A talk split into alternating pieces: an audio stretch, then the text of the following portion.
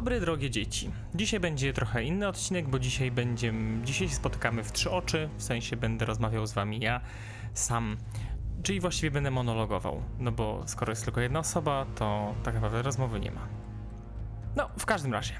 Dzisiaj będziemy rozmawiać na temat e, systemu RPGowego Coriolis i porozmawiamy sobie na temat e, tego, czym właściwie Coriolis jest, z czym to się je i czy warto go kupić. Więc materiał ten jest dedykowany przede wszystkim dla mistrzów gry, którzy się zastanawiają, czy w świat Coriolisa wejść, ale także dla graczy, którzy jeżeli czujecie potrzebę mm, zagłębienia się w takie bardzo specyficzne science fiction, no to możecie sobie e, zawsze znaleźć mistrza gry, którego będziecie mogli odrobinę przycisnąć, żeby wydał pieniądze na kolejny podręcznik, żeby można z nim było, za, że, że można było mistrza gry przymusić do przeczytania kolejnej cegły i poprowadzenia kolejnej kampanii z puszki, albo też stworzenia jakichś tam własnych materiałów. Także e, moja opinia na temat Coriolisa się tutaj pojawi. Pogadajmy na start e, może moment na temat wydawcy, którym jest e, Free Aligan, czyli Free League Entertainment, czy też Free League Publishing, już nie pamiętam dokładnie.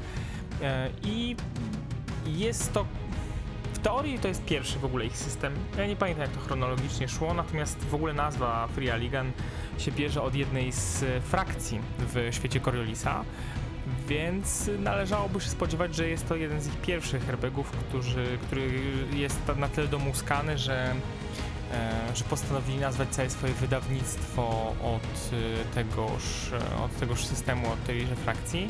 Natomiast ja mam wrażenie, że mm, Coriolis sam sobie stoi w takim wielkim rozkroku. W wielkim skrócie mówiąc, cały ten system ma być baśniami tysiąca i jednej nocy w kosmosie. Czyli ma uderzać w takie blisko wschodnie tematy, jeżeli chodzi o ubiory, jeżeli chodzi o słownictwo, jeżeli chodzi o wygląd pewnych elementów. Nie bardzo, jeżeli chodzi o mitologię, zaraz do tego dojdziemy. I tak, w taki sposób jest reklamowany, że, że właśnie będzie to właśnie z tysiąca i jednej nocy w kosmosie. Czy Coriolis dowozi ten obraz? Kurczę, sam nie jestem do końca pewien. No dobra, obiecanki, macanki, wydawca coś tam nam, e, coś tam nam obiecuje, kupujemy sobie ten system, jest całkiem ładnie wydany. Jeżeli chodzi o podręcznik główny, twarda oprawa, oczywiście e, sporo papieru, bo ten podręcznik ma, żeby Państwa nie okłamać, 384 strony więc nie jest taki znowu cieniutki. Jest bardzo ciemny w tym wszystkim, więc jeżeli macie podobnie jak ja problem z czytaniem jasnego tekstu na ciemnym tle, bo dostajecie od tego pierdolca z powikłaniami, bo macie na przykład epilepsję fotogenną, no to macie przegwizdane. Nie jest tak źle jak w przypadku Aliena czy Star Treka, ale i tak czytanie tego podręcznika męczy. No więc co dostajemy w tym podręczniku? Dostajemy tam świat, no i wypadałoby sobie na temat tego świata porozmawiać. Główne motywy i toposy, które się tutaj w Coreliusie będą nam przewijać, no to jest przede wszystkim konflikt pomiędzy starym a nowym, czyli pomiędzy tymi frakcjami, które świeżo przybyły do tego świata i pomiędzy frakcjami, które już tam wcześniej były. No bo właściwie o czym ta historia jest? Cała ludzkość wyruszyła w gwiazdy jakiś tam czas temu, temu na pokładzie statków pokoleniowych, ale w międzyczasie zostały odkryte tajemnicze koordynaty, które pozwalają, no takie wormhole, które pozwalają się przemieszczać pomiędzy system, systemami. Te wormhole zostały zbudowane przez nie wiadomo kogo i nazywani są oni architektami. Jeżeli spodziewacie się wielkich bram, tak jak w gasnących słońcach, no to jesteście w błędzie, są to po prostu takie miejsca w przestrzeni, w, w których należy wyliczyć koordynaty i tam w to miejsce skoczyć. Więc y, pierwszy horyzont no, to była linia y, jakby nakreślona przez pierwszych kolonistów. Potem, y, potem był drugi horyzont, czyli, czyli kolejne kolejne zasiedlone planety, które prosperowały również bardzo dobrze. No i trzeci horyzont to jest to miejsce, gdzie będzie się dziać nasza akcja, czyli e, ostatnia fala tak naprawdę kolonizacji. Gdzieś w międzyczasie rozpoczęła się wojna między, między drugim a trzecim horyzontem. Wojna o zasoby. W wyniku tej wojny tam ogromne straty poniosły obie strony.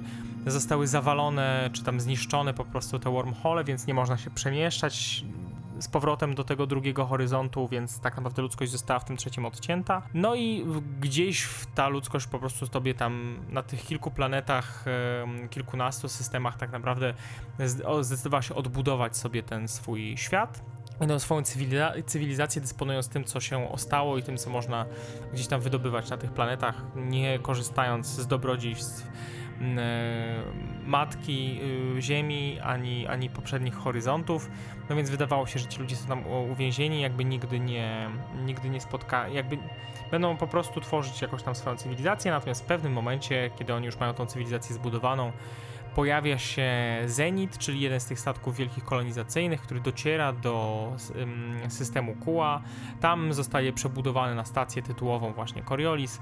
No i ta stacja e, jest takim hubem, w którym spotykają się rozmaite frakcje, rozmawiają, toczą tam swoje intrygi, więc jest to taki...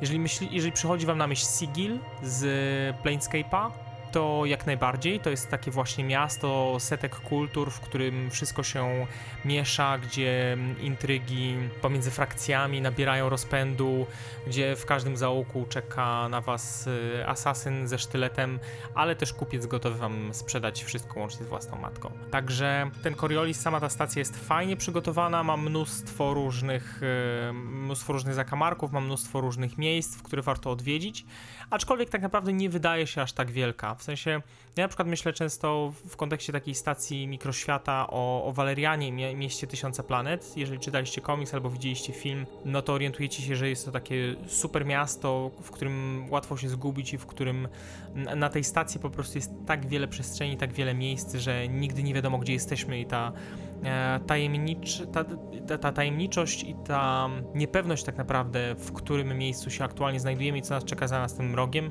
jest fajna. No a w Coriolisie jej po prostu nie ma, bo cała stacja jest dość dobrze zmapowana. Nie jest duża, paradoksalnie. Jak na stację zbudowaną ze statku kolonizacyjnego, to wydaje się, może nawet momentami klaustrofobiczna, ona tam ma kilkanaście poziomów, kilk, kilkadziesiąt poziomów, kilkanaście ciekawych lokacji. Nie buduje niestety, przynajmniej w moim odczuciu, takiego wrażenia miejsca, w którym łatwo się zgubić. Już prędzej ten monolit, który się znajduje na Kuła, który jest taką też e, siedzibą administracji tego systemu, który też został wydrążony przez tych pradawnych, czy tam zbudowany, no to to już jest taka bardziej tajemnicza i mistyczna lokacja, w której można się zgubić, no ale nie wybiegajmy, że tak powiem, za bardzo do przodu. Więc są ci, jest ta stacja, są na niej ci zenitianie, czyli ci ludzie, którzy przybyli z tego statku kolonizacyjnego, no i oczywiście rozproszyli się szybko po tych światach, zaczęli tam e, wprowadzać swoje wartości, swoje pomysły, taki dynamizm w tym rozwoju swojej kultury, która została zbudowana na tej stacji no i w trakcie lotu tego statku po, pokoleniowego. No a i z drugiej strony mamy tych e, ludzi, pierwszych przybyłych, first comers, którzy po prostu tam są od dawna i którzy tą kulturę zdążyli tam już zbudować, zapoznać się z tymi światami, w związku z tym gdzieś tam ten konflikt między nimi się toczy. Bo jakoś z tym nie dadzą ci nagrać tego materiału.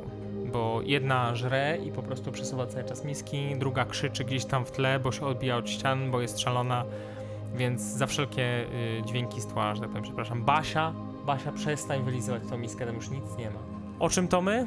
Ach, o pierwszych przybyłych. No więc oni tam zbudowali sobie kulturę. No i zupełnym przypadkiem, zarówno kultura mm, Zenitian, jak i kultura tych pierwszych przybyłych jest oparta właśnie o kulturę Bliskiego Wschodu, ale bez islamu. Więc pytanie zasadnicze brzmi, jak to się odbyło? Nie wiemy tego. Generalnie Coriolis, mimo tego, że stara się być e, hard sci-fiem i budować maksymalnie realistyczny świat, to strasznie dużo elementów zdarza mu się porzu- porzucić i jakby nie tłumaczyć ich. Na przykład, dlaczego bliskowschodnia kultura, podzielona tak naprawdę na politeistyczne bóstwa, czyli te ikony, w które, w które się wierzy w Coriolisie, czemu ona przetrwała? Dlaczego nie ma żadnych innych kultur? Dlaczego nie ma żadnych innych em, śladów cywilizacyjnych po nich? No po prostu tak jest. Dlaczego zarówno Zenitianie, jak i pierwsi przybili wyznają mniej więcej to samo? No po prostu tak jest. Kim są emisariusze? Tego też nie bardzo wiemy. No bo emisariusze są kolejnym źródłem konfliktu, mianowicie konflikt no, oprócz starego kontra nowego i tych Zenitian kontra pierwsi, pierwsi przybyli, mamy drugi konflikt, który mówi o tym, że jest technologia i staramy się bazować o, na, na, na, na tym, co zostało po tych wojnach o portale ale z drugiej strony mamy też e, mistyczną wiarę w ikony. No i właśnie, one mają być tutaj takim odzwierciedleniem tak naprawdę nie wiadomo do końca czego, jeżeli chodzi o, o tą naszą kulturę obecną, istniejącą, czy, czy kulturę wzorowaną na Bliskim Wschodzie. No bo te ikony opiekują się różnymi aspektami e, życia, naszego jest ich 9, jeśli dobrze pamiętam. Tak, 9. I każda z nich ma swój aspekt pozytywny i negatywny. Wierzą w nie zarówno pierwsi przybyli, jak i zenitianie, ale geneza tej religii nie jest w żaden sposób pokazana. Mm, Jest to też taka religia, która w żaden sposób nie daje nadziei, w sensie nie ma w niej życia wiecznego za bardzo. Jest to coś takiego, że po prostu wszyscy wracamy gdzieś tam do, do tego sędziego, który zajmie się naszymi duszami, natomiast nie obiecuje ogrodów, gdzie w dolinie płyną strumyki, jak to jest w Koranie. I no po prostu ludzie w to wierzą, bo są przekonani, że te ikony się nimi opiekują, tak jak chrześcijańscy święci w różnych aspektach. Jeżeli potrzebujemy pomodlić się o to, żeby nasz statek kosmiczny doleciał na miejsce, to modlimy się do jednej ikony, a jeżeli chcemy, żeby sprawiedliwość spotkała naszych wrogów, no to modlimy się do innej. Jeżeli modlimy się o duszę naszych zmarłych, to do kogoś innego jeszcze tam. No a jeżeli musimy się mierzyć z pustką między gwiazdami, no to staramy się rozmawiać w tej modlitwie jeszcze do kogoś innego. Mówiąc zupełnie szczerze, ta wiara w ikony jest najsłabiej wykonanym elementem całego Coriolisa, chociaż e, dużo rzeczy na niej bazuje. I trzeba się troszeczkę moim zdaniem namęczyć jako mistrz gry, żeby to w ogóle wprowadzić, z tego względu, że no nie jest to po prostu oczywiste, nie jest to w tym świecie naturalne. Jakby wydaje się to trochę być doklejonym elementem, który nie do końca tutaj z bazy pasuje. No dobra, to porozmawialiśmy sobie trochę o tym, o czym ten system jest. No to myślę, że drugą ważną rzeczą, którą każdy mistrz gry powinien wiedzieć przed rozpoczęciem zagrania w Coriolis jest to, skąd się biorą konflikty w świecie. No bo jakby każda dobra opowieść jest związana z konfliktem. Więc po pierwsze mamy te ikony, ale mamy też emisariuszy, którzy wynurzyli się z odmętów gazowego giganta Zene i o, ci emisariusze są bliżej nieokreślonymi istotami, które zasiadają w Radzie. Na Coriolis tam są, wszystkie frakcje mają swoją reprezentację w tej Radzie, no i emisariusze również. Jak wyglądają emisariusze, czego chcą, nie mamy bladego pojęcia, podręcznik na żadnym etapie nam tego nie tłumaczy. Jest jedna ilustracja, którą udało mi się znaleźć, jest też cała kampania, która nazywa się Emissary Lost, czyli utracony emisariusz. Mm, Może tam jest więcej na temat tego, czego oni pragną i jak to, jak wyglądają ich agendy i jak oni w ogóle sami wyglądają, jak funkcjonują, ale w podstawowym podręczniku tego nie ma. Ta ilustracja pokazuje taką dość dziwną, mackowatą istotę stworzoną jakby z dymu, która unosi się nad śpiącą postacią, więc może tak należy sobie ich wyobrażać. Ale myślę, że tutaj należałoby się bardziej skłonić do zagrania w Emissary Lost, ponieważ sam bazowy podręcznik nam tej informacji nie wyjaśnia. A zatem możemy walczyć po stronie emisariuszy, możemy też walczyć po stronie kościoła ikon. Możemy walczyć po stronie jednej z wielu frakcji i te frakcje też są podzielone pomiędzy Zenitian a pierwszych przybyłych. Są też frakcje, które są bardziej fanatyczne i egzekwują tą wiarę w ikony jakby z dużo większym zacietrzewieniem i zapalczywością, a są też frakcje umiarkowane. Więc w zależności od tego, jak chcemy tę naszą kampanię poprowadzić, to źródeł konfliktu nam na pewno nie zabraknie. Wreszcie, no oczywiście sam ten konflikt pomiędzy tą nową kulturą Zenitian, którzy są tacy przedsiębiorczy i starają się tam budować tą swoją cywilizację, mimo tego, że no jedyne co mieli tak naprawdę na początku to wrak tego okrętu kolonizacyjnego, tego okrętu pokoleniowego. No a z drugiej strony mamy tych e, pierwszych przybyłych, którzy już tutaj okrzepli w tym świecie, oni wiedzą jak on działa, nie do końca chcą się zapuszczać w nowe miejsca, więc to też może być jakieś tam źródło e, konfliktu pomiędzy graczami, pomiędzy graczami a postaciami niezależnymi, czy pomiędzy frakcjami, generalnie, żeby tam sobie e, jakąś fabułę na tym wszystkim zbudować. Pod tym względem świat nie jest miałki i na pewno coś da się tutaj, e, da, się coś tutaj ugrać. Ale cały czas będę wracał do tego, że wiele rzeczy niestety nie jest, nie jest opisanych tak, żeby uzasadniać określanie Coriolisa jako hard sci-fi, bo to nie jest świat zbudowany na twardo. O tym, czy światy są zbudowane na twardo, czy na miękko, też sobie porozmawiamy. Generalnie chodzi po prostu o stopień uzasadnienia pewnych rzeczy i tego, jak gra ta nasza logika w głowie.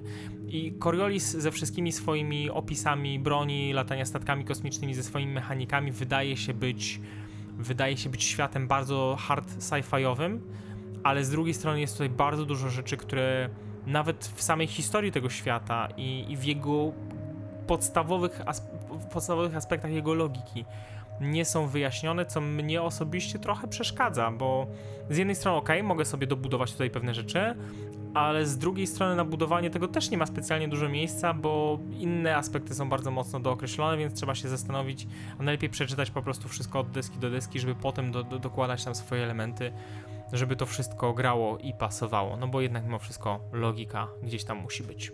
Okay, mamy świat, mamy jakiś tam konflikt, który potencjalnie możemy w nim stworzyć, no to pora, żeby pojawiły się tutaj postacie graczy, czyli nasi bohaterowie. Bohaterowie pojawiają się e, z długiem, co jest e, no, taką dość standardową mechaniką w tej chwili, mianowicie, żeby mieć statek kosmiczny, który jest tam niezbędny do przemieszczania się, bohaterowie muszą się zadłużyć, w związku z tym tworząc drużynę tworzymy pewien archetyp, więc e, trochę jak e, w Star Trekowym serialu, tak? Od razu wiadomo z kim mamy do czynienia, czy to, jest, są, czy to jest flota wojskowa, czy to są odkrywcy, czy to są kupcy, mm, czy to jest jeszcze jakaś inna frakcja, być może misjonarze religijni, czy pielgrzymi. Y, więc tworzymy sobie archetyp drużyny, w ramach tego archetypu dobieramy sobie postacie, ta nasza drużyna ma jakąś tam wspólną zależność, wspólną cechę, z której wszyscy możemy korzystać, ale ta drużyna musi mieć też mecenasa, czyli jakiegoś takiego bohatera niezależnego, który w nas, w tą drużynę wierzy, przekazuje im, pożycza im pieniądze, żeby oni mogli ten statek sobie nabyć, więc zaczynamy od y, posiadania statku, żebyśmy mogli podróżować, żebyśmy się nie czuli ograniczeni w tym wszechświecie, no ale statek obarczony jest y, kredytem, który musimy regularnie spłacać, co ma prowadzić graczy do tego, żeby, żeby spłacali te pieniądze i zarabiali po prostu w jakiś sposób, więc tworzyli tą historię, napędzali ją sami, e, szukając okazji do tego, żeby móc zarobić kasę i spłacić ten swój dług i od tego mecenasa się uniezależnić. Mm, ten mecenas oczywiście może być fajny, może być niefajny, może być związany z jedną z głównych frakcji, to może być jedna z postaci, które tam są wylistowane i to są ważne postacie, no ale może to być też ktoś, kto go sobie, koło go sobie samemu tutaj wymyślimy. Nasi bohaterowie mogą reprezentować jedną z 11 klas, które z jednej strony nie są tak jak w klasycznych systemach, gdzie jak już się upieramy na jakąś klasę, to musimy po prostu ją rozwijać po kolejnych e, poziomach doświadczenia. Mm, nie, nie są tak sztywno zbudowane, no ale jakby pozwalają nam tworzyć tą postać na początku. I tak każda z tych klas jest podzielona na trzy podkoncepty, które po, jakby też nam dają różne, różne dodatkowe elementy. E, pokazuje, jakie, jakie umiejętności najlepiej wziąć, jaki, jaki jest nasz główny atrybut, jak się zmienia nasza reputacja w zależności od tej klasy i pozwala nam również wybrać talenty. Sugeruje nam pewien problem personalny, no bo zakładamy, że system zakłada, że każdy z bohaterów będzie miał jakiś jakiś personalny problem, no i podejście do innych, do innych postaci, czyli jakby też mamy taki preprogramowany, nazwijmy to, jakieś podejście, które, które może definiować stosunki z innymi bohaterami, no i wreszcie ekwipunek.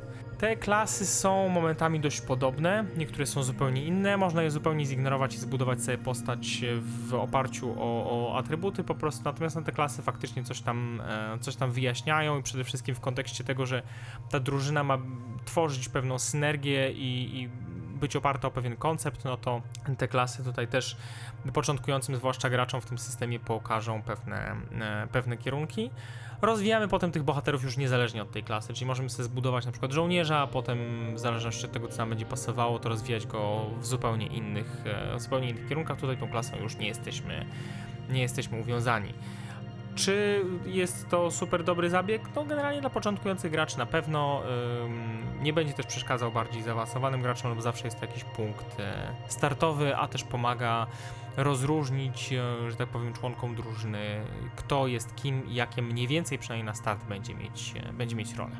Każda z postaci może też należeć do pewnych frakcji, natomiast nie musi. Te frakcje też jakoś bardzo się nie narzucają, w sensie to nie jest taki system, który jest zbudowany o walkę tych frakcji. One tutaj są i oczywiście będą się ze sobą ścierać, ale mm, ich istnienie nie jest y, stuprocentowo konieczne, jakby mm, ich obecność nie jest stuprocentowo konieczna do tego, żeby tą jakąś zgrabną fabułę tutaj ukleić. Więc są frakcje Zenitian, czyli tych, którzy przybyli na tym statku pokoleniowym i to jest konsorcjum, które jakby skupia wszystkie wielkie korporacje, które są zbudowane na gruzach tego, co przedstawiciele tych poprzednich horyzontów, czyli, czyli tych fal kolonizacyjnych pozostawili na, na planetach trzeciego.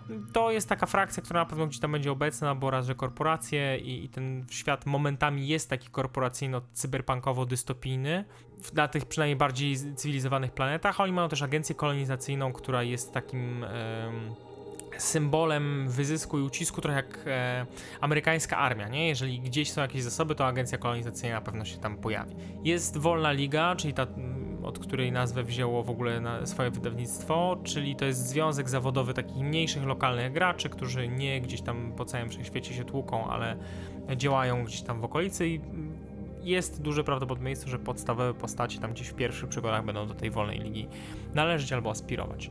Jest Legion, czyli zbrojne ramię konsorcjum. Tak naprawdę Legion, według tego co podręcznik twierdzi, jest osobną frakcją tylko po to, żeby konsorcjum mogło mieć dodatkowy głos w Radzie. Jest syndykat, który działa jak Yakuza, czyli niemalże otwarcie mm, zajmuje się wszystkimi sprawami związanymi z przestępczością, wymuszeniami, nielegalną ochroną, etc. No ale to, porównanie do Jakuzy jest tutaj bardzo trafne, bo jest taka frakcja, która po prostu jest uznawana, tylko że mm, realizuje działania, którymi inne frakcje nie chcą sobie brudzić rąk. No i wreszcie jest hegemonia zenitiańska, jest takie państwo stworzone na planecie Kua przez dwie rodziny, które rządziły tak naprawdę tym statkiem pokoleniowym, tam rodzina kapitana i chyba pierwszego oficera. No i oni sobie roszczą prawo do zabierania głosu w imieniu wszystkich Zenitian, aczkolwiek poza Kua tak naprawdę ciężko wyjaśnić jaka jest ich obecność na, na innych planetach i jak bardzo jest ona silna. Z tych frakcji pierwszych przybyłych mm, jest Kościół Ikon, czyli e, organizacja duchowa, który mm, jest tak naprawdę takim konsorcjum zrzeszającym kapłanów, ale też mający własną armię, działającym w pewnych określonych celach. Bardziej jak średniowieczny kościół, który może, na, może nawet jeszcze bardziej średniowieczny kościół. No, gdyby średniowieczny kościół posiadał swoją armię, a nie tylko zwoływał inne armie. Aczkolwiek no, tutaj zakładamy, że wszyscy w te ikony wierzą, bo to też jest wielokrotnie podważane, więc właściwie dlaczego kościół ikon miał być poza siłą, że tak powiem, wojskową, mieć, e, mieć, takie, mm, mieć taką siłę. E, I, i, dysponować możliwością głosu. Jest świątynia Achlama i to jest. E, no nie okłamujmy się, to są trochę mentaci, a trochę Bene Gesserit z Duny. To jest taka świątynia, która kształci kurtyzany, które są odpowiedzialne za prowadzenie dyplomacji, doradztwem dla najważniejszych ludzi w innych frakcjach. Więc y, jeżeli myślimy o, o, o, właśnie tych dwóch frakcjach z Duny, to te kurtyzany z, ze świątyni Achlama to będzie coś takiego. Są Drakonici i to jest y, frakcja, która niby powinna należeć do... E, powinna należeć do Zenitian, ale to są ludzie, którzy w momencie, kiedy Zenit prze, przybył, oni bardzo mocno się zwrócili w kierunku tej wiary w ikony i zaczęli prowadzić e, działania też dywersyjne, zbrojne. E, wierzą, że tylko konflikt pokazuje prawdziwe oblicze człowieka, więc zawsze do tego konfliktu dążą. No i generalnie jest to taka grupa fanatyków religijnych. Jest Federacja Nomadów, czyli luźny zbiór wszystkich tych pierwszych, którzy nie chcą żyć pod butem kościoła ikon i jest jeszcze zakon odrzuconych, i to są też religijni fanatycy, którzy twierdzą, że zakon poświęcenia Nazarima, który był odpowiedzialny za wygranie w ogóle tej wojny o portale, e, zbratał się z siłami ciemności, jakimiś tam dżinami. W związku z tym zebrali się do kupy i zaorali ten zakon do spodu, wybijając wszystkich do nogi. W związku z tym została tak naprawdę tylko ten kościół ikon jako główna frakcja, no i zakon odrzucony, który gdzieś tam od czasu do czasu buja i straszy. Więc w te frakcje gdzieś tam sobie możemy wejść, one mogą być bardziej lub mniej obecne, no nie są, nie, ich istnienie wszystkich nie jest obligatoryjne. Nie jest tak jak, e, hmm, jakie tutaj porównanie dać. Spójrzmy sobie na przykład na Starego Wampira, gdzie mamy Camarilla i Sabat i to są frakcje, które zawsze będą ze sobą walczyć, no bo jakby świat jest skonstruowany wokół ich konfliktu, więc ten konflikt tam będzie zawsze bardzo obecny, bardzo intensywny. Tutaj w Coriolis tego, tego nie ma. W sensie możemy prowadzić spokojnie narrację, nie posiłkując się tą wojną frakcji. Czy to dobrze, czy to źle, pozostawiam już wam dla oceny. Dla mnie spoko, bo jakby zawsze te frakcje są na podorędziu, jeżeli jest to potrzebne. Mm, no ale też nie, nie budują one jakoś bardzo całego tego, tego świata intensywnie. Nie buduje tego świata również mechanika. No i tutaj należałoby powiedzieć sobie kilka słów. Mechanika to jest e, Year Zero Engine, czyli to samo co jest w Mutant Year Zero, mm, a więc e, rzucamy tyloma szósteczkami, ile mamy cechę plus umiejętność, czyli na przykład jeśli nasza postać jest silna i z kimś walczy, to rzuca tyle kostek, ile wynosi siła, plus tyle, ile wynosi wartość i umiejętności związanej z walką. No i tylko na szóstkach mamy sukcesy. Możemy się oczywiście pomodlić w danym momencie do ikony, czyli tak naprawdę sforsować rzut powiedzieć, że ok, olewamy ten wynik, który mamy zawierzamy danej ikonie, można to zrobić raz na rzut, no i wtedy dokonujemy tego rzutu i może teraz nam się powiedzie. Jeżeli nam się, w każdym razie, jeżeli dokonujemy tego rzutu bez względu na to, czy nam się powiedzieć, czy nie, mistrz gry dostaje punkt ciemności, który może wykorzystywać przeciwko graczom trochę jak chaos czy zagrożenie z systemu 2D20 od Modipiusa, więc no mistrzowie gry, którzy są z 2D20 otrzaskani, będą wiedzieli, że mogą sobie z czegoś takiego korzystać, będą wiedzieć, jak tym chaosem, tą ciemnością tak naprawdę grać, ale czy jest to aspekt, y, który bardzo mocno jest zakorzeniony w tym świecie, no to bym nie powiedział. To, to nie jest tak, że ta mechanika jest bardzo ściśle związana z tą wiarą w ikony, chociaż udaje, że jest, ale jak dla mnie po prostu jest to gdzieś tam taki ruch pędzlem, który nie został pociągnięty do końca i ta linia się rozmywa, więc nie, nie bardzo wiemy tak naprawdę, co autor miał na myśli. Myślę, że wbicie się gdzieś głębiej w ten system i granie w niego regularnie z nastawieniem na to, że ten konflikt religijny jest bardzo istotny w tym wszystkim i to, że te ikony i ten kościół ikon mają ogromny wpływ na życie każdego człowieka i, i na każdy aspekt handlu, walki, prowadzenia wojen, czy, czy negocjacji, czy jakichkolwiek rozmów jest to istotne, no to to będzie wtedy grało. Ale jeżeli chcemy po prostu poprowadzić sobie sci-fi'a mm, w świecie inspirowanym lekko Bliskim Wschodem, tak naprawdę ta mechanika niespecjalnie nam cokolwiek zmienia. Te ikony mają też, y, jest jest talia z ikonami, y, więc są cztery tak naprawdę kolory i, i, każdy z nich ma tam kilka kart związanych z tymi ikonami, więc możemy sobie z tego korzystać też jako puli inicjatywy, jako puli do rzutów, jako taki trochę wyroczni, o czym będzie historia. Niektóre postacie mają też taką możliwość e, snucia domysłów, więc jeżeli mamy mistyka w drużynie, no to możemy sobie tego, no nazwijmy to w cudzysłowie, tarota koriolisowego postawić i on nam odpowie na pytanie co, gdzie, po co i dlaczego. I e, kolejne ikony nam się objawią, będziemy mogli sobie je zinterpretować no i, i na podstawie tego jakąś tam fabułę dokleić, to jest jakby fajnym elementem, nie? Bo z gry dostaje jakąś tam przepowiednię i teraz musi skleić tą fabułę tak, żeby ta przepowiednia zagrała, co do improwizacji zawsze jest e, super mile widziane.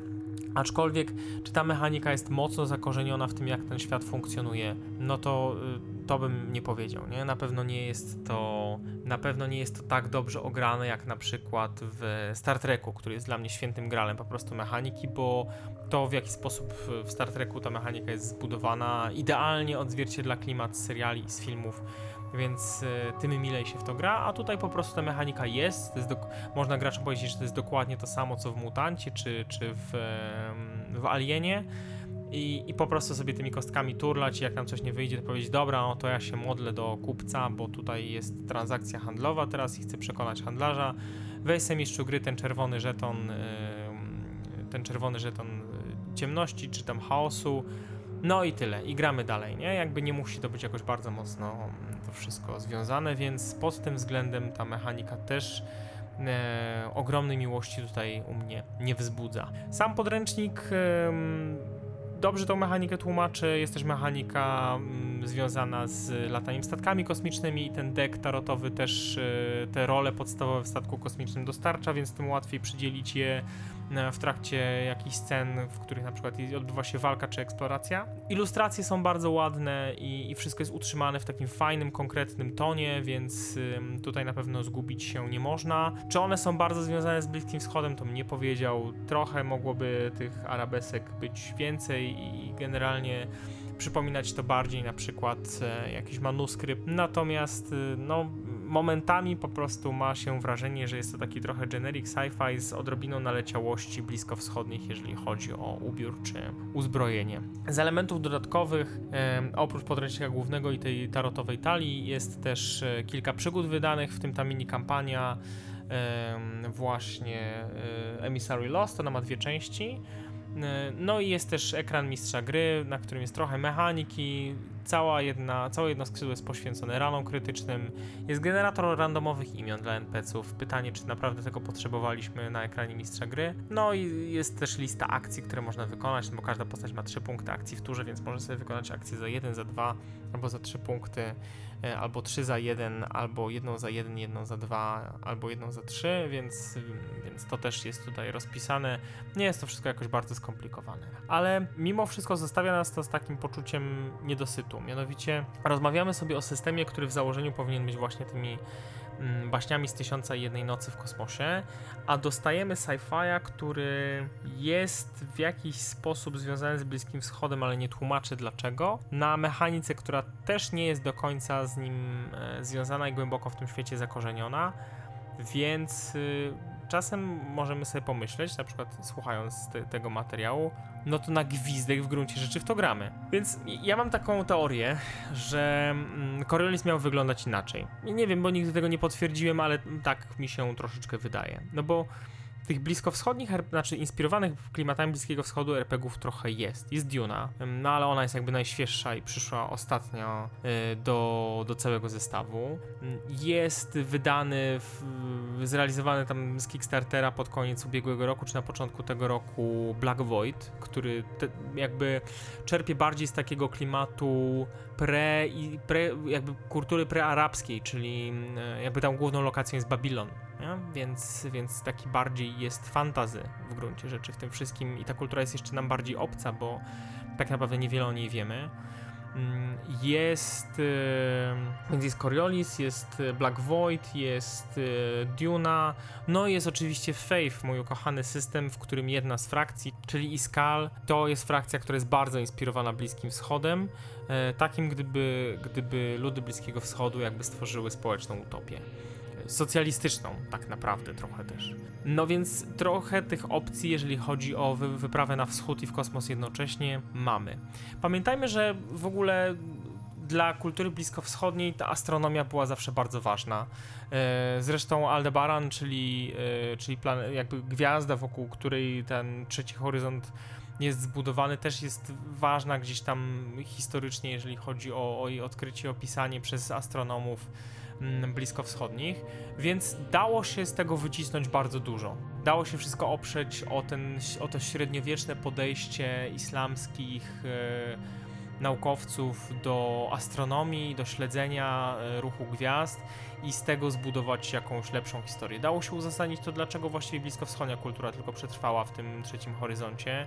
Dało się opowiedzieć o tym, kim są emisariusze, no i przede wszystkim dało się zbudować tą religię trochę inaczej niż, niż tą wiarę w ikony. Natomiast moja teoria, bo do tego należałoby wrócić, jest taka, że Coriolis mógłby być dużo bardziej na takim osadzonym w islamie światem zbudowanym w kosmosie i opartym o jakieś wewnętrzne tarcia, ale i, i te wszystkie frakcje, które są bardziej postępowe, mniej postępowe, te, które chcą utrzymać status quo i te które chcą się dynamicznie rozwijać. Mm, I to odzwierciedlałoby mm, zjawiska, które zachodzą tak naprawdę na Bliskim Wschodzie dzisiaj, nie? I ostatecznie te konflikty się tam toczą, te, te wszystkie frakcje czy państwa toczą ze sobą walki, ale jest ten islam, który jest tą siłą spinającą, bo jest to ogromnie dominująca nad y, tym regionem e, religia i, i kulturowo, i duchowo, i naukowo.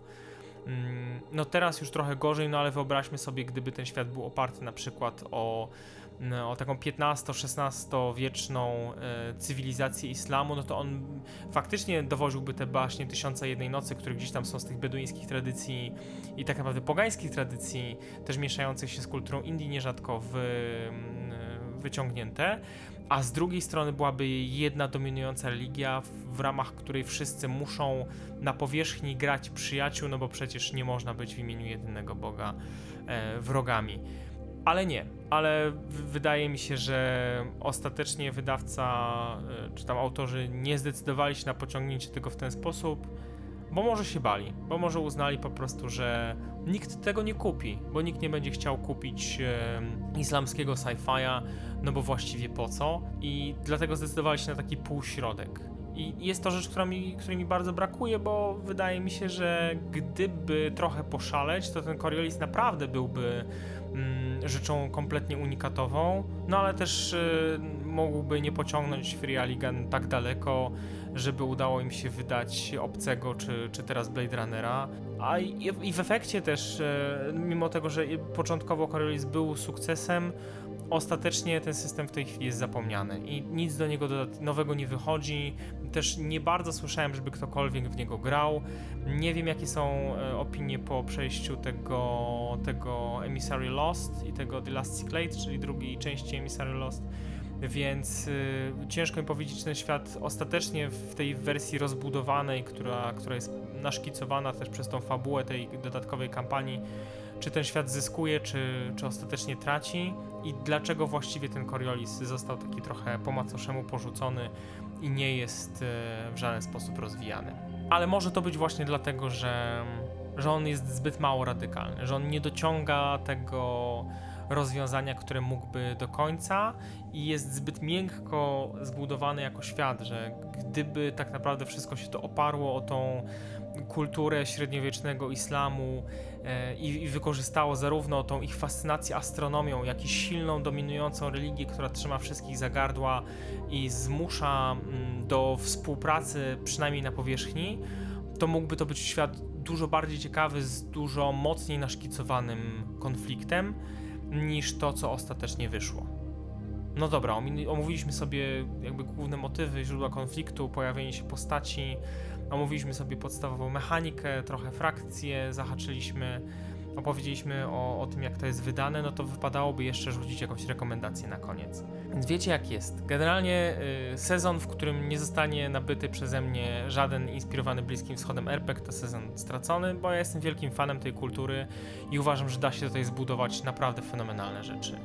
Może pewnego pięknego dnia y, siądę i, i napiszę coś, co będzie realizacją tego mojego kon konceptu, czyli taki właśnie bardzo, bardzo twardo opisany e, świat i, i odrzucenie tak naprawdę tego założenia z tymi ikonami, a wprowadzenie tutaj po prostu islamu z jego frakcjami, z jego podejściem, zarówno z tymi najpowszechniej znanymi frakcjami, jak i z tymi, z tymi frakcjami mistycznymi, czy z tymi frakcjami umiarkowanymi. Mm, myślę, że to mogłoby naprawdę fajnie zagrać. Ale no mam tego Kyriolisa, bo po prostu lubię takie światy i on też jest takim hard sci-fiem, po którego sięgam, jeżeli potrzebuję sobie zagrać w, w jakiegoś sci-fia i który, na, który da mi na tyle dużo swobody, że będę mógł sobie go rozbudować o pewne elementy, stworzyć tam pewne rzeczy i podziałać w obrębie tego, co twórcy po prostu przeoczyli. Bo ja nie do końca wierzę w to, że oni zostawili pewne rzeczy po to, żebyśmy mogli sobie jako mistrzowie gry to uzupełniać. Raczej sądzę, że zabrakło tutaj pewnej odwagi, jeżeli chodzi o tworzenie tego świata i zabrakło mm, takiej konsekwencji w budowaniu tej narracji, że to faktycznie ma być taki bardzo bliski wschód. Bo same baśnie z Tysiąca Jednej Nocy mogłyby być jakąś taką opcją mistyczną i same zawierają oczywiście bardzo dużo konfliktów i jest tam mnóstwo fantastycznych opowieści, no ale z drugiej strony fakt, że jedną z głównych frakcji, frakcji jest y, konsorcjum korporacyjne, nie do końca się w to wszystko wpisuje. Bardzo chętnie y, porównam kiedyś y, Coriolis z Black Voidem, bo to są rzeczy, które mogą się okazać stać po dwóch absolutnie różnych stronach spektrum i pokazywać tą kulturę Bliskiego Wschodu w innych, y, w innych zupełnie obszarach, ale wydaje mi się, że Coriolis w tym momencie jest spoko, jeżeli szukacie RPG, który faktycznie gdzieś tam pozwoli ten bliskowschodni klimat zbudować, jeżeli wy będziecie mieli na to ochotę udostęp, jakby umożliwi też granie poza tym, poza tą kulturą Bliskiego Wschodu, jeżeli po prostu będziecie chcieli taki trochę mroczny sci-fi, w którym ta cywilizacja upadła i teraz ta ludzkość porzucona między gwiazdami próbuje odbudować resztki tego, resztki tej chwały, którą kiedyś była i resztki tego imperium, które kiedyś miała. E, pytanie, czy nie lepiej tutaj sięgnąć po Fragment Empire, ale w niego jeszcze nie grałem, więc ciężko mi powiedzieć. Natomiast jeżeli chcecie coś, co jest bardzo sztywno napisane i umożliwi prowadzenie po prostu, jakby że ten świat jest jak po szynach e, wytyczony i, i, musimy za nim podążać, za jego żelazną logiką, no to w tym wypadku wydaje mi się, że Duna będzie lepsza.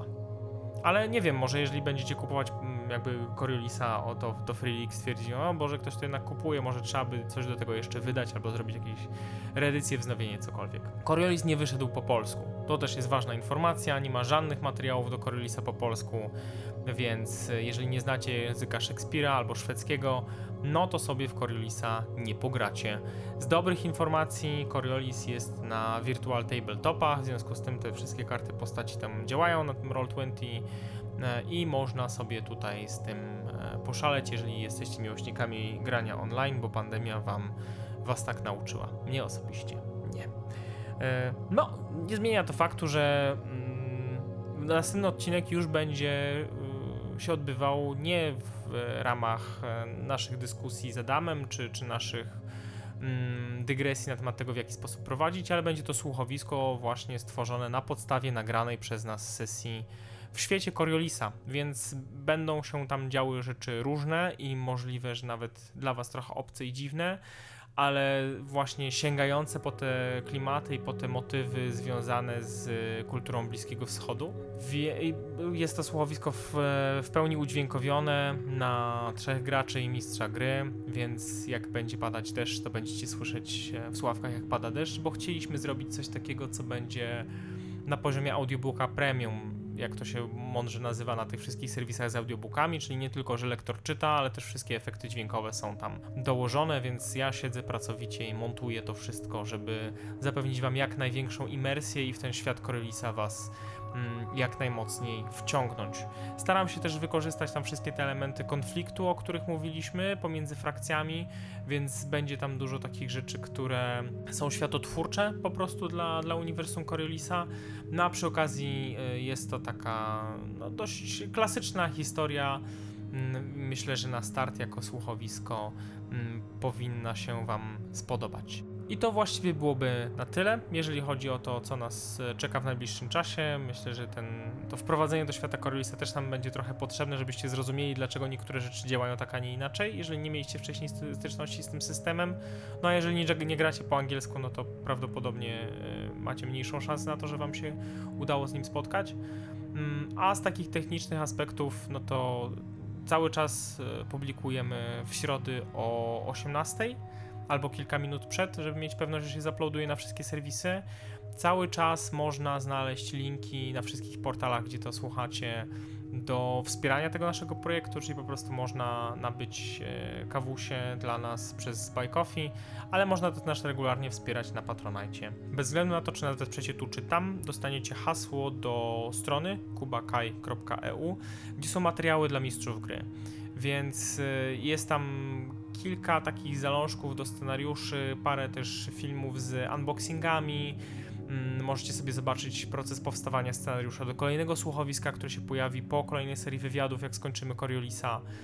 E, Więc jest tam dużo takich fajnych bonusów i, i chłopaki, którzy tutaj grają z nami i prowadzą przede wszystkim jako mistrzowie gry, twierdzą, że faktycznie są to fajne rzeczy i się przydają i trochę im rozjaśniają w głowach, jeżeli chodzi o to, w jaki sposób my tworzymy struktury naszych opowieści, bo to chyba jest dla nas e, najważniejsze, żeby wam pokazywać, w jaki sposób te struktury mogą być przydatnymi dla was narzędziami.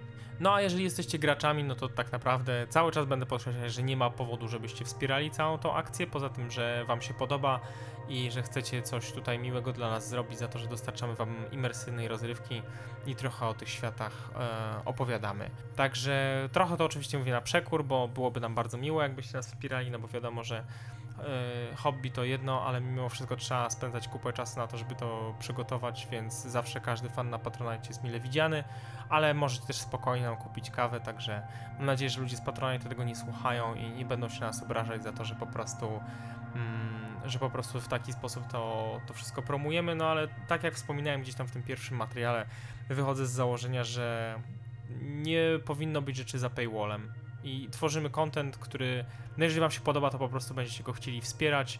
Nic z tych opowieści, żadnych dodatkowych scen, bonusowych y, mm, epilogów, y, jakichś wyjaśnień, etc. nie będzie za paywallem.